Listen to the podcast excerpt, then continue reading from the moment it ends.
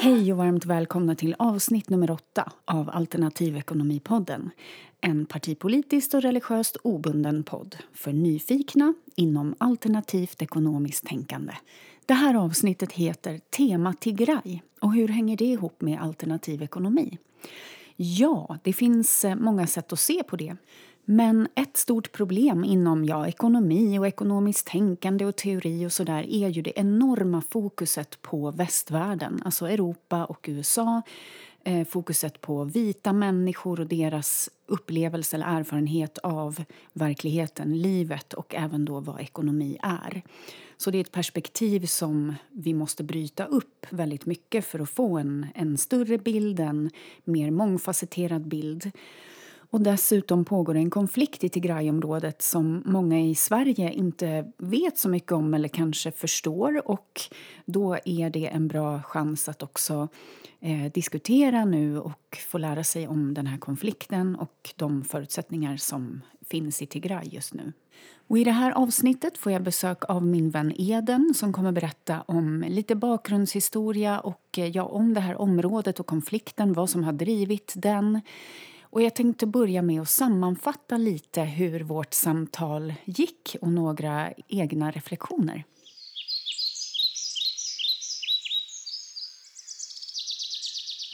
Ja, så Eden kommer berätta om det här området som berör eh, i alla fall då Etiopien, Tigray och Eritrea där det liksom har gått olika vågor sen ja, mitten på 1900-talet med kungadöme, kommunistiskt styre och federalism och vad de här olika har liksom inneburit och lett till.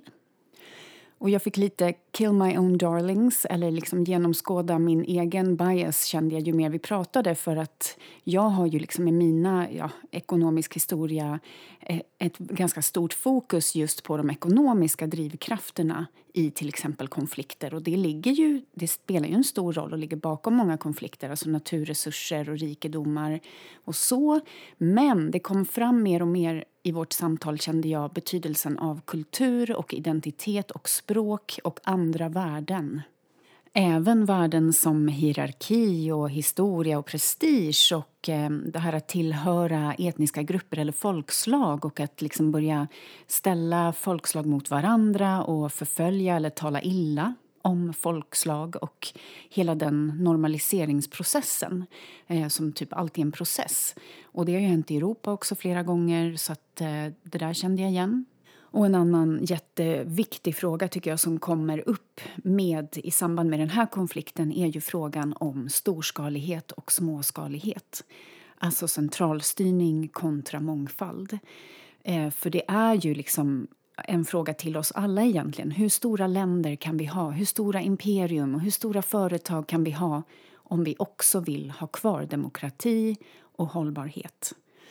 Och I det här fallet så har vi ju Etiopien, 110 miljoner invånare, Tigray, 7-8 miljoner invånare och Eden kommer berätta lite om val som har ägt rum nu. Men tittar man historiskt så ser man det att eh, större imperium drar till sig ledare som har den här läggningen av att eh, gärna vilja bli då eh, stormaktsledare och det är också något för oss att tänka på. då. Hur stora demokratier ska vi ha om vi vet att det framkallar och triggar den sortens ledare som gärna spårar ur? Jag kommer inte heller ha så mycket ljudeffekter den här gången för det känns som att vi kom in i ett ganska seriöst samtal, viktigt samtal som flöt på. Eh, I slutet kommer lite tips hur man kan hjälpa eller bidra och eh, lära sig mer om konflikten i Tigray. Vi hoppas på det bästa. Och jag säger välkommen till Eden. Ja, jag heter Eden och är stockholmare, född i Tigray. Tack, välkommen. Eh, om vi börjar direkt med frågan om den här konflikten nu. Vad handlar den om? Jo, eh, konflikten handlar egentligen om, om hur eh, liksom, landet har, blivit, har styrts i de senaste 27 åren.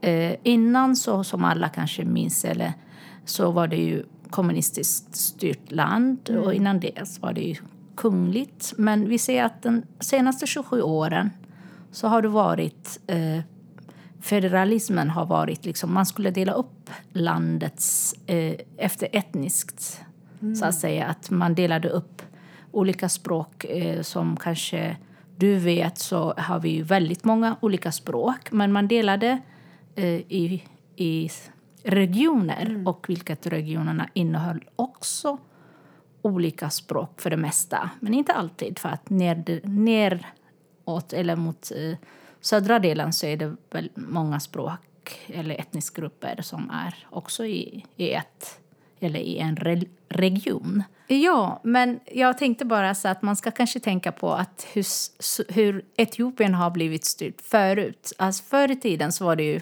ja, Haile Selassie som alla kanske minns. Mm. Det är monarki. Efter monarkin så kom det ju Mengistu till makten. Mengistu var ju eh, väldigt, eh, alltså liksom, han tyckte om eh, kommunismen. Det var ju kommunistiskt styrd och i 17 år styrde Mengistu väldigt hårt landet. Mm.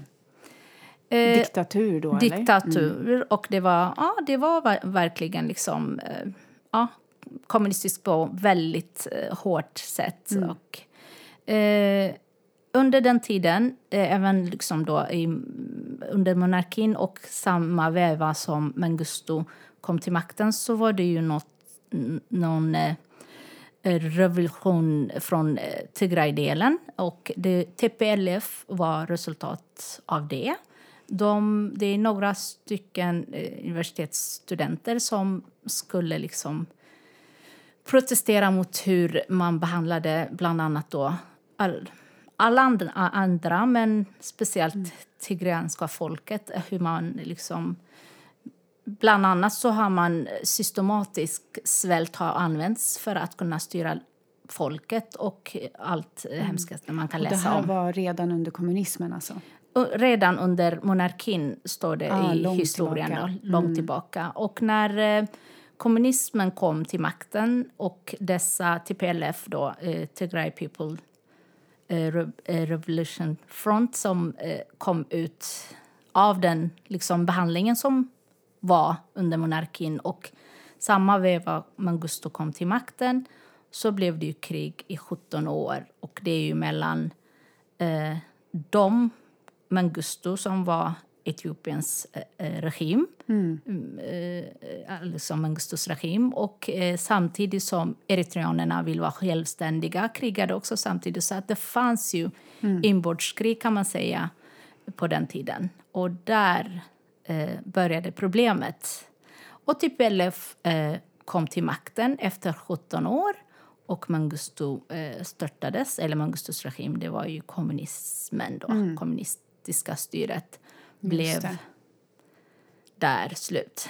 Ja, så då är vi framme där vid kommunismen just har störtats. Ja, och TPLF som började i Tigray och eh, krigade ja, fram då till eh, ja, de andra delarna i, i, Etiopien och fick med sig andra minoriteter kanske som också ville ha förändring i landet. Mm, början och, av 90-talet då? Ja, mm. och 91 kom de till makten. Och eh, när man kom till makten så hade man en ideologi, antar jag. Och eh, jag är inte så jättepolitiskt insatt egentligen. Men vad som hände är att man började eh, dela upp eh, landet i regioner och det skulle bli eh, federalstyrt mm. på något sätt. Och vissa som var från den tiden, då, från monarkitiden och även Mengistu som också hade en dröm om att Etiopien skulle vara ett och det skulle styras i liksom väldigt hårt. Var det. Wow, och, alla dessa män alla som dessa ska män. centralstyra. Självklart, och de ska tvinga folk till det de mm. de tycker är bäst. Och vad som hände under den tiden när de kom fram att de skulle ha på annat sätt än vad det har varit så var det ju väldigt mycket protester. Men också folk välkomnade dem säkert i vissa delar och eh, att de ville ha förändring. Folk ville ju ha fred. Det var väldigt mycket krig och, i många år. Och, mm. eh, många unga, både män men även kvinnor, eh, män och kvinnor dog väldigt många och det var ju, det var ju fruktansvärt långt krig. Liksom. Får jag fråga en sak? De här mm. konflikterna då som, eller krigen, eh, vad drev dem, uppfattar du mest? Var det liksom fattigdom och ekonomi? Var det religion? Var det etnicitet? Var det regionskänsla? Eh, under kommunistiska tiden menar du? Den ja, krig, kanske de alla. Eller har det, har det varit samma saker som driver? Eller? Eh, under Mangustotiden var ju väldigt mycket om makt. Att, alltså liksom, jag, jag var ju barn den tiden, mm. men vad, vad man fick se och höra så är att man krigade mot dem som skulle splittra Etiopien, vilket var i den tiden vi fick höra att det var TPLF, bland annat de okay. från Tigray och som var ju Eritrea som vill vara självständig eh, från Etiopien. Mm. Och eh, självklart två makter eller två, äh, mot honom. Och till slut så fick ju äh, han störtades, eller TPLF kom till makten. Äh, Eritrea fick sin självständighet. Och det fortsatte man med att det skulle vara federalstyrt, som sagt. Och, och den idén var det inte alla som tog emot med öppna armar. För att det fanns folk som tyckte att det, var bättre för och det skulle vara liksom en, mm. ja, en ett helhet. land och en ja, helhet. Ja, precis. Och framför allt så eh, tänkte man inte på de här andra eh, etniciteter eller liksom att minoriteter som inte kom fram till tals. Och de, väldigt många hade inte... Eh, man gick i skolan eh, på annat mm. språk. Jag själv är en, en av resultat av det. Jag är tigrinja-talande och gick i skolan mm. på amarinja. Jag tänkte inte det var konstigt på den tiden, men jag minns när jag satt i klassrummet och läraren pratade helt annat språk än vad jag pratade hemma som jag förstod inte. Mm. Men det var ju det som gällde, liksom, att man skulle lära sig amarinja, vilket det var ju officiellt språk och mm. man tänkte inte på det. Men det skulle fortsätta och inga andra språk skulle komma fram, bland annat. Sen är ju, wow. när det kommer till politiken så är ju, folk förstod inte. Så att det fanns de som protesterade mot det och de som tyckte att det var bra. Däremellan, under 27 år, så har det varit lite si och så. Eh, ja, redan nu så tänker jag att det är många saker i den här berättelsen som liksom känns igen från andra eh, envåldshärskare och det här att använda språk för att kontrollera, alltså ta bort språk i skolan och sådär. Eh, att man känner igen det liksom från ja, Hitler och många fler därtill. Mm. Eh, och du beskrev för mig nu bilden av det här ledarskapet som många har velat ha. Mm. vill, vill du förklara? Jo, men att när eh, det här, den, det här 92 ungefär, när eh, TPLF och med andra bildade um, politiska partierna och det, mm. alltså bildade eh, regering. Så de som var, var emot att ha federalistisk eh, styre, bland annat då, att oftast innehöll ju eh, detta federal, eller regionerna som de var. De delade upp regioner som var olika språk. Det kunde vara amarinja-talande och rominja-talande och allt annat. Och så fanns det lite södra delen så kunde det vara flera minoriteter i ett. Och man bildade i alla fall regering, mm. vilket som sagt att var... Eh, många var emot redan dagen efter, liksom. Mm. Eh, och vissa tyckte att det var bra. Eh, under de här 27 åren så har det växt liksom... Eh, hat eh, av någon slag. Och vad man gjorde, vad man inriktade det här hatet som vi, i alla fall tigrinjatalande, eller vi som är från Tigray inte har insett, bland annat jag och jag pratar med mina vänner. Vi har inte insett att det var ju politiskt eh, problem och TPLF kanske hade stor inf mm. Eh, alltså inflytt på själva politiken för att de hade många, bland annat eh, eh, statsminister på den tiden, eller ja, prime minister Melles, han som gick bort några år sedan, var ju från Tigray och väldigt många hade makten. Och, men vad man inte såg att komma är ju att det här man blandade ihop makthavarna och folket.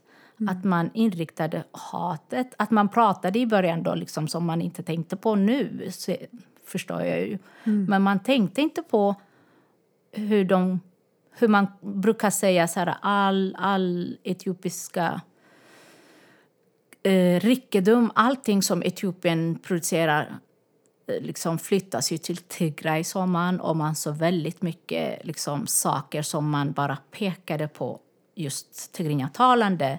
Och eh, jag är helt säker att de makthavarna har missbrukat makt, liksom makten och de som satt upp, uppe liksom och styrde mm. landet.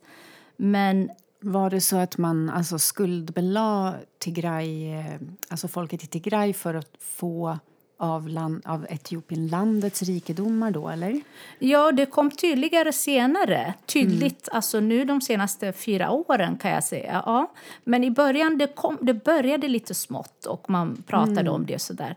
Men sen några år sedan när eh, Meles Zenawi dog och det kom någon annan, Haile, eh, Desalegn Haile Mariam hette han, lämnade sin post eh, frivilligt och det kom då den här eh, Abiy Ahmed som styrland. Eller liksom som, ja, som man har hört om lite i, på nyheterna senaste åren. Då. Ja, Abiy Ahmed eh, tyvärr är en... Eh, han har fått en frid, Nobelpriset. Ah, fredspriset, ja. fredspriset. Mm. Var, varför fick han det?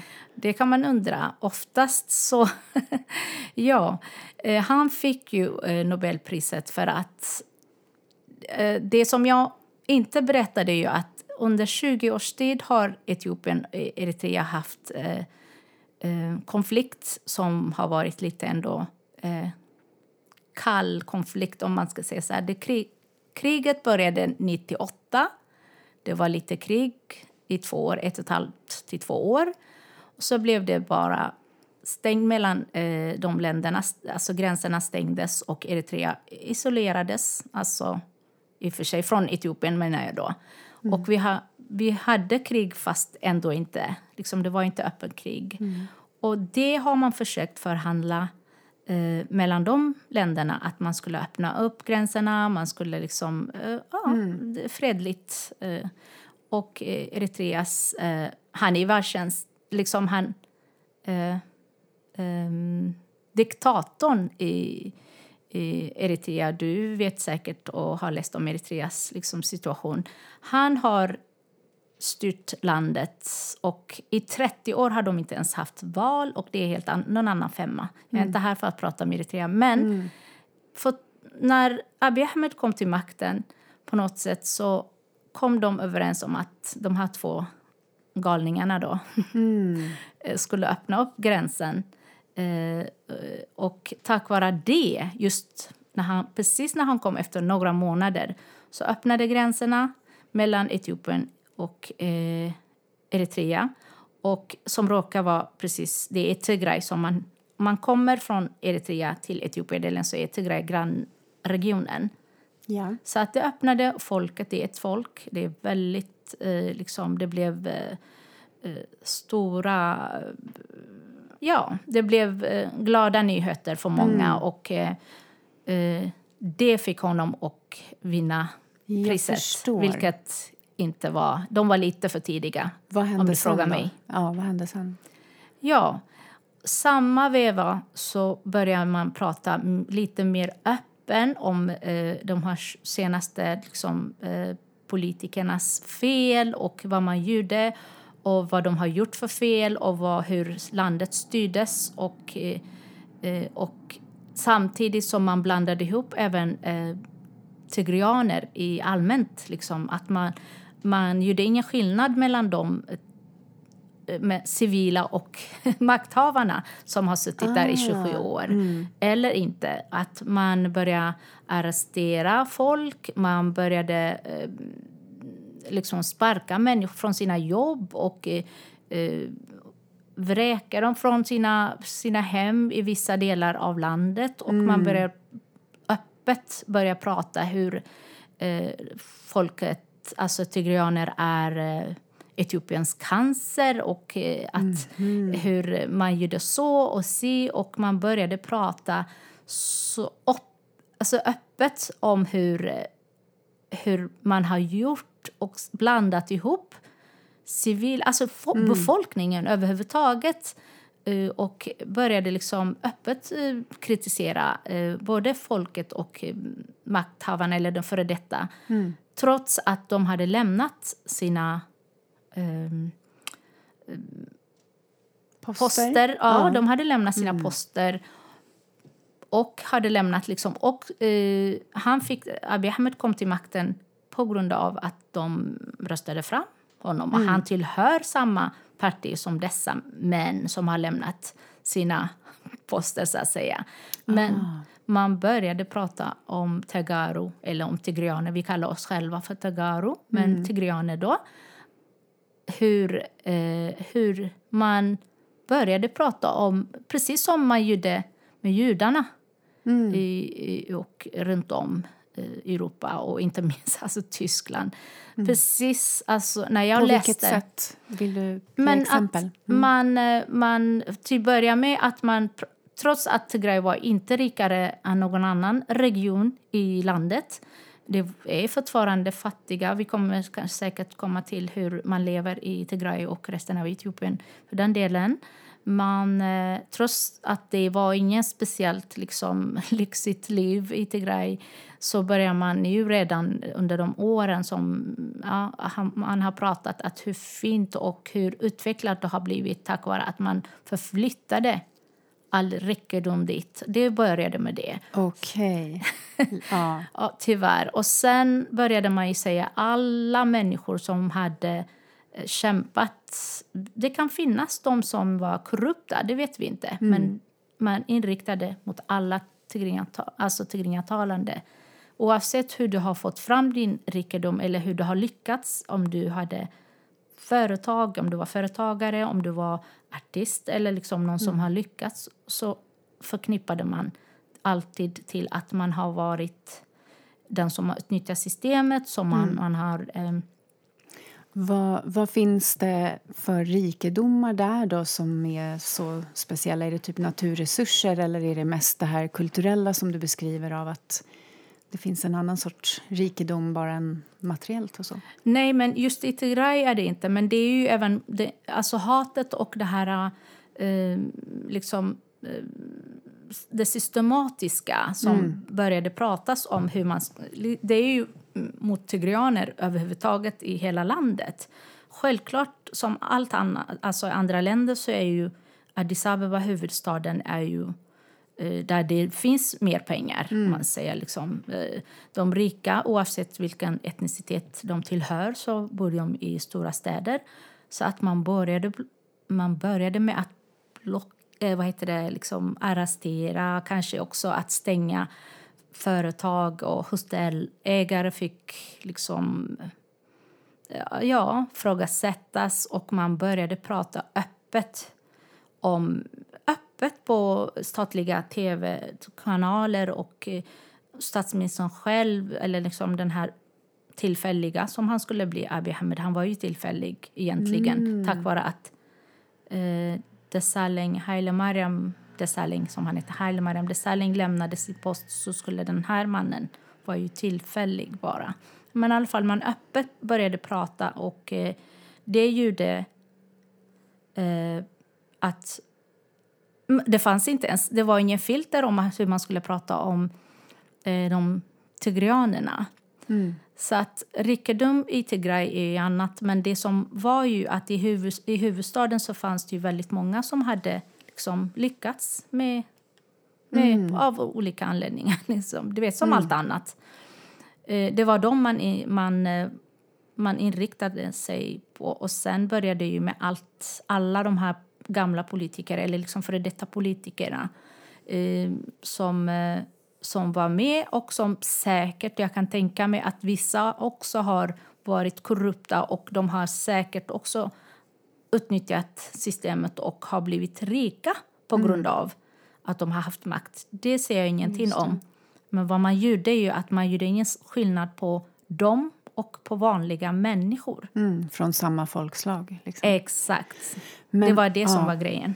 Och nu har då den här konflikten liksom eskalerat senaste åren då, eh, vad jag förstår, eller? Ja. Att det har blivit jättevåldsamt och en ny nivå då av krig, eller? Mm. Det började, det här kriget började som sagt liksom att man började ja, arrestera mm. och sätta i fängelse och stänga eh, företag och allt det där. Och sen november, den 4 november 2020 så började kriget. Och mm. kriget eh, som var bestämt liksom, att annonserades av eh, Abiy Ahmed själv eh, var ju att för att kunna, eh, ja, vad ska man säga, för att lagsätta de här människorna som har varit i makt, var i Addis, i centralt, i och med att det är centralstyrt, och men flyttade, lämnade sina poster och flyttade till Tigray för att de är ju därifrån, de flesta, och hade bett om ursäkt för alla fel de har gjort under alla mm. år och var där i, i, i Addis Abeba. Och mm. eh, man började liksom eh, kanske... Mm, ja, här och där folk började försvinna och, och så. Men när de flyttade så tanken var att de ville... Alltså han, Abiy Ahmed, då, att, tyckte att de... Just det, det började med att eh, man ska ju ha eh, val var femte år. Mm. Och det var ju covid-tiden. Och eh, under den tiden, han är ju tillfällig som jag sa till dig. Och eh, vad som hände är ju att eh, olika regioner, eller liksom de här statliga då, eh, vad heter det, eh, stater, mm. de här regionerna ville ha ehm, val. Och han tyckte, eller regeringen då, den tillfälliga valda, tillfällig valda vad heter Abiy Ahmed tyckte att nej, nu är det covid, vi mm. kan inte. Och eh, regionen Tigray eh, ville ha val ändå och eh, protesterna började med att nej så kan vi inte ha det och det som sker i landet omkring, liksom, oavsett vart i Etiopien du befinner dig så var Tagaru eh, en, en, ett Liksom, det var ju en eh, vad heter, inriktning på så, så mycket hat och så mycket saker, så mycket våld blev folk in, utsatta för. Mm. Eh, universitetsstudenter eh, blev mm. eh, liksom eh, blev ihjälslagna och massa saker hade hänt lite här och mm. där. Och det blev ju protester i Tigray då att de vill ha ett val, en vanlig. Mm. Och eh, med anledning till att det är covid så ville den inte den centrala då. Och, Jag förstår. Och eh, där började att Tigray gjorde sitt eget val. Man, kan, man ska ju göra. Mm. Man ska ju mm. Representanter från alla regioner. Mm. Och eh, Tigray eh, gjorde det där och det tyckte inte om. Det var en gnista liksom då som ja, där provocerade? Började. Vad sa mm, du? Som provocerade? Det var en riktig provokation där. Efter att han hade fått eh, Nobelpriset då så blev det 2020 och Tigray ville ha val. Eh, men ja. när de gick igenom det med, det trots att Abiy Ahmed hade sagt nej, då började problem på riktigt. Ja, där började riktiga problem för att han ville inte ha val och det visade sig också att man kan genomföra ett val mm. på säkert sätt, vilket Tigray-regionen visade. Självklart 110 miljoner funkar inte, men 7-8 miljoner kanske kan funka. Wow, eh, och Etiopien är ett ganska stort land och dessutom fattigt. Det är inte så jätte allt, överallt som det går liksom genomföra det. Men vad som hände är ju att den startade att han beordrade eh, krig mot eh, Tigray, mm. regionen. Och det tanken, eller vad han sa utåt var ju att de ska bara plocka kanske 30-40 personer, vilket det var inte det eh, som hände. Mm. Att man, eh, man kom in med eritreanska soldater, eller eritreanska regimen fick, de bjöds in till för att attackera Tigray på ena sidan och etiopiska soldater och region eh, som mm. är från Amar, Amhara då, mm. som är då närmast till Tigray. Och, och dronattacker blev för Tigray. Och det var inte inriktat på de här människorna som skulle plockas, vilket det skulle inte behöva. Dronattacker eller Nej, annat land som Eritrea som är nummer ett fiende av just Etiopien i allmänt men den tigranska folket för att det har varit krig Mm, tidigare, vilket man kan läsa om det.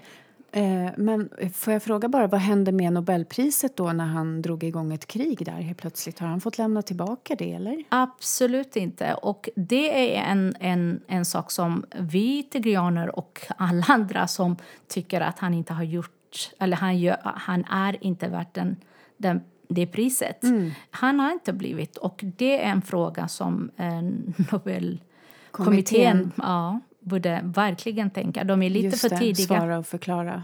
Mm. Just det. De borde, de, det skulle vi jättegärna vilja att han eh, lämnade Mm. tillbaka den. Eh, men han fick ju, du vet som allt annat, de här männen som får liksom allt stor, Det stiger dem åt huvudet, ja. Mm. ja, storhetsvansinne. Japp. Liksom, han fick, eh, det, det var fritt fram och så att det bombades av eh, och eh, Etiopien fick hjälp av bland annat Turkiet och eh, Somalia, Eritrea var ju det landet som var mest intresserad av att eh, komma in till Tigray.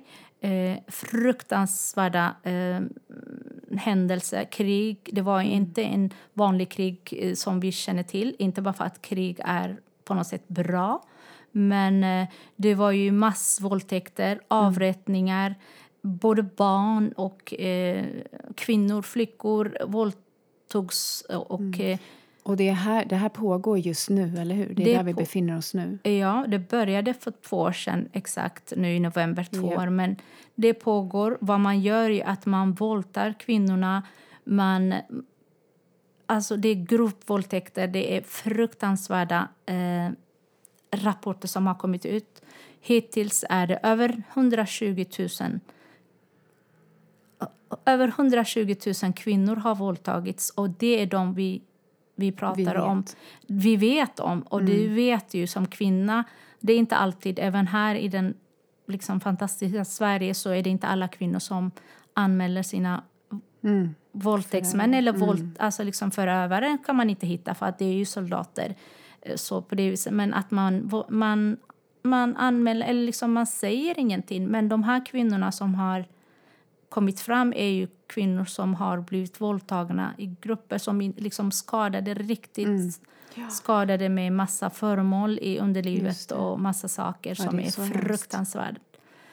Så att Ja, man, hör, man, eh, man läser och ser och hör en del men det, Mm. är, det är svårt att, att ta till sig och ens förstå liksom, på vilken skala det här är. Och som du säger nu, det är under två år då som det har liksom eskalerat eh, men blivit riktigt intensivt. Um, och då tänker man ju såklart eller att vi behöver prata om så här, vad kan vi göra? Alltså vad kan vi göra politiskt? Vad kan man göra som individ? Kan man um, stötta någon organisation? Kan man informera sig? Vad, vad kan man göra? Man kan framför allt så kan man ju, det är ju alltid bra med att uh, informera sig och uh, det tigranska folket just nu är uh, liksom blockerat i 360 grader. Liksom. Det finns ingenting som kommer ut eller in till Tigray. Det finns inga telefon, inga banktjänster, inget internet. Jag har och alla andra vi som är här utanför eh, liksom i diaspora, du vet alla tigrianer har inte pratat med våra familjemedlemmar, med nära kära på två års tid. Är det som i Iran då, att de liksom stänger av? Eh, Fast i två år. Ja, Eh, Det, kanske man stä- det är ju vanligt i de här regimerna, liksom diktatorerna. De kan stänga när någonting händer. Tillfälligt så öppnar de upp. Men i två års tid har varit stängt. I början var det ju huvudstaden Mekelle bara som man kunde eh, ringa. Sen nu finns det ingen, vi vet ingenting. Hur är det med journalister? Får de komma in? Ingen kommer in och ingenting kommer ut därifrån. Det har blivit riktigt, alltså liksom Åh, blockerat. Alltså. Hur kan de inte ta hans Nobelpris? Jag fattar Jag ingenting. förstår inte det heller. BBC har kommit, det fanns eh, några stycken som man kan skriva i början då eh, som har skrivit. Men alla de här eh, organisation, olika organisationer har skrivit, bland annat Amnesty. Och, Så att man kan ju verkligen läsa om vad som händer i Tigray. Eh, I Sverige så har vi eh, Tigray Relief Sweden. Mm. Eh, det finns Omna som man kan gå in och läsa. Finns de eh, alltså som hemsida? Är det Instagram? Ja, är det Instagram. Ja. Det är, Omna kan man läsa om och Tigray Relief som är i Sweden. Man kan alltid, eh, liksom, det finns ju väldigt mycket, man kan gå in på hashtag Tigray Genocide eh, som de eh, twittrar och läs, alltså du kan läsa många eh, sociala medier. Att jag tror nog att man behöver bara gå in på Tigray så kan man läsa faktiskt om man vill verkligen informera sig. Jag hörde på radion någon dokumentär som i och för sig var kanske något halvår eller något år gammal men att de också redan då pratade om hur svårt det är för journalister att komma in och få någon som helst information om vad som verkligen hän- händer. Så när de journalisterna på Sveriges Radio skulle så kommentera och bedöma, de bara ja, vad vet vi? Vi får inte se, liksom. Vem vet? Det, man kan bara ana och gissa typ vad som händer där inne. Ja, verkligen. Men det har ju också varit från svenska medians sida har varit totalt ignorering faktiskt. Att det är ju väldigt synd för att eh, nyheter som nyheter, man bör försöka liksom ta reda på. Det finns ju andra delar av världen som har skrivit lite om det. Även om det är totalt, man får inte åka dit. Så han kan, man kan faktiskt ta reda på. Ibland när det har varit eh, hjälporganisationer har kommit så har man kunnat haft tillgång till internet, vilket vissa bilder har kommit ut och vissa, vissa av våra familjemedlemmar har gått. Jag har systers barn som gick i två veckor till gränsen för att kunna ringa med en gång.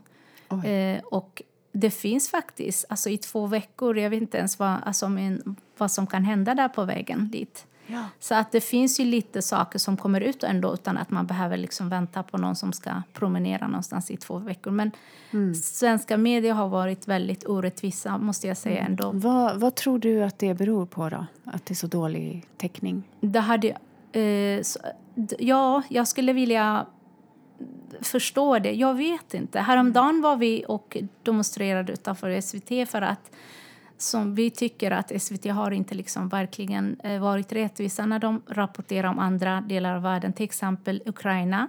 Ja, självklart, jag, allt som händer både i Ukraina och andra värld, delar av världen, eh, man, eh, man vill att det ska rapporteras och framför allt man vill att det ska slutas kriga och kvinnorna i Iran ska vara, eh, ska vara som de vill. Ingen ska tvinga dem att använda vad det än man vill att männen bestämmer att de ska använda. Japp. Men eh, det borde vara rättvisa när man rapporterar. Man bör rapportera även om kvinnorna i Tigray och barnen, barnen som svälter på grund av eh, detta systematiska svält som används eh, för att bryta liksom, befolkningen där. Kan man gissa att det ligger lite strukturell rasism bakom det här? Att det är typ svarta människor I, som media inte liksom lägger lika mycket energi? Självklart. Jag personligen tycker det. För att Varför skulle inte du skriva någonting... Alltså skriv inte lika mycket som Ukraina kanske, men på två års tid. Varför skulle man inte skriva självklart? Bruna kroppar har inte lika värde liksom, i, i västvärlden. Och det, det är ju, man vill eller ej, tro, alltså man får, man får tycka vad man vill men eh, man kan inte säga till mig något annat an- för att jag får inte annan förklaring om inte det är för att des, dessa ba, barn dör varje dag på grund av matbrist för att någon galning en diktator som inte vill släppa eh, hjälporganisationer till den, till Och de krigar. Det är män som har bestämt att det ska bli det. är inga barn som har varit... liksom... Nej.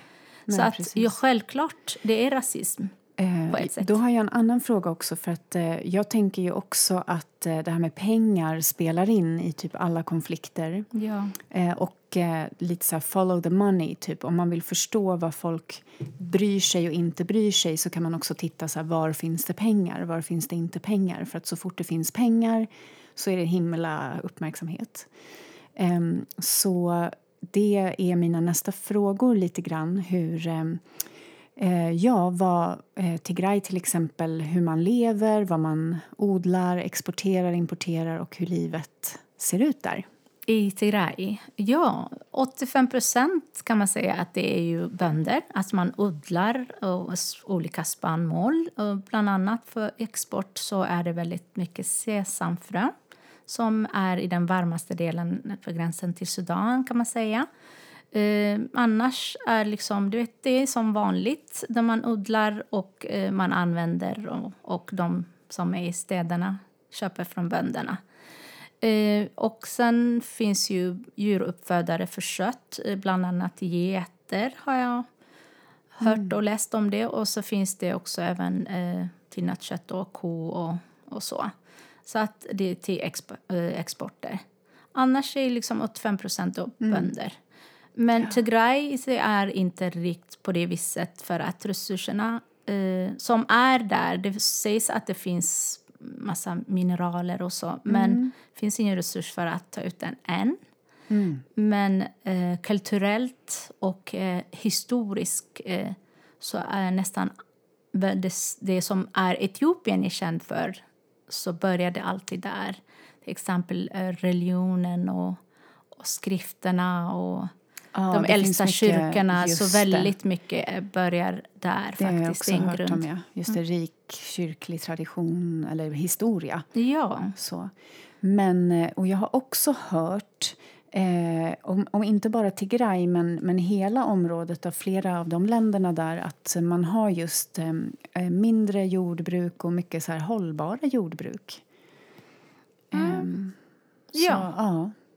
Det är ju det, men det är också så här att allting det här med att snacka om, eh, om du, du pratade om eh, pengar och makt. Allting handlar om makt och makt betyder ju också pengar. Mm. Och, men det som har varit um, det som har varit för dem, alla de här makthavarna, liksom så nu när man läser, är ju att på något sätt har det varit eh, på något sätt eh, dröm eller en, ett mål av att få det tigranska folket bara eh, liksom böja sig och, och ta hand... Alltså ta liksom... Och som avslutning här nu då, så sa du några saker som man faktiskt kan göra.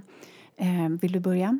Ja, man kan ju börja med att informera sig som jag sa. Och sen finns ju eh, Tigray Relief Sweden som man kan gå in och läsa och yep. omna och bara man skriver Tigray så kommer det komma fram massa idéer, kanske liksom vad man ska läsa, nyheterna om Tigray. Och, eh, trots att det inte är många som skriver om det. Just så, finns det. Sen kan man ju hjälpa flyktingarna i Sudan. Det är mer än en halv miljon eh, flyktingar som befinner sig i grannlandet Sudan. Så att man kan eh, liksom engagera sig eh, och hjälpa där också. Just det. Och det finns olika föreningar i Sverige också och eh, man kan eh, hitta genom Tigray Relief och Tigray Youth Sweden så att det Just är bara... det, finns många sätt. Ja, många och sätt. så kan man ju sätta press kanske. Jag tänker på det här med Nobelkommittén. Att eh, bara ta upp frågan hur de tänker också när de då har givit det här Nobelpriset. Ehm, och ja hur blev det sen? Och, så där. och att ställa frågor är alltid en början för att ja, men pressa och trycka lite att folk ska tänka till en extra gång vad de kan göra. Och, eh, sådär. Absolut. Nobelkommittén och politikerna i Sverige, och de som är makthavande i, i, vårt fantastiska Sverige. Man kan också sätta press på den etiopiska regimen. Fred är vad som tigranska folket och världen behöver överhuvudtaget. Men att vi tigrianer i Sverige vill ha bara eh, kontakt med vår familj och tigrianer är isolerade, alltså blockerade i 360, tänk bara, mm. två år utan någon telefon, bank, eh, ingen medicin. Folk har, har dött av medicinbrist och, och eh, vårdbrist och allting. Så att man kan bara tänka att vad kan jag göra? Ja, sätt press på de som har makten som kan faktiskt eh, sätta press på den etiopiska regimen som faktiskt är skyldig till ja. Tigray-folkmordet. Det är vad man kan göra. Ja, sätta press är eh, en bra grej att eh, börja. Och då vill jag tacka dig jättemycket för att du kom hit och delade av din tid. Nej, men jag vill tacka dig jättemycket för att du gav tid till vad som händer i Tigray. Du anar inte hur tacksamma vi är. Jag vill tacka dig verkligen för att jag fick säga det lilla jag kan. Jag är ingen expert på något sätt. Jag är bara en tigrian som bor i Sverige, eller en svensk tigrian. Så att jag vill bara säga det lilla jag kan och jag är jättetacksam att jag fick komma hit. Tack, tack själv. Yeah, yeah, yeah, yeah, yeah, yeah, yeah, yeah, yeah, yeah, yeah, yeah, yeah, yeah.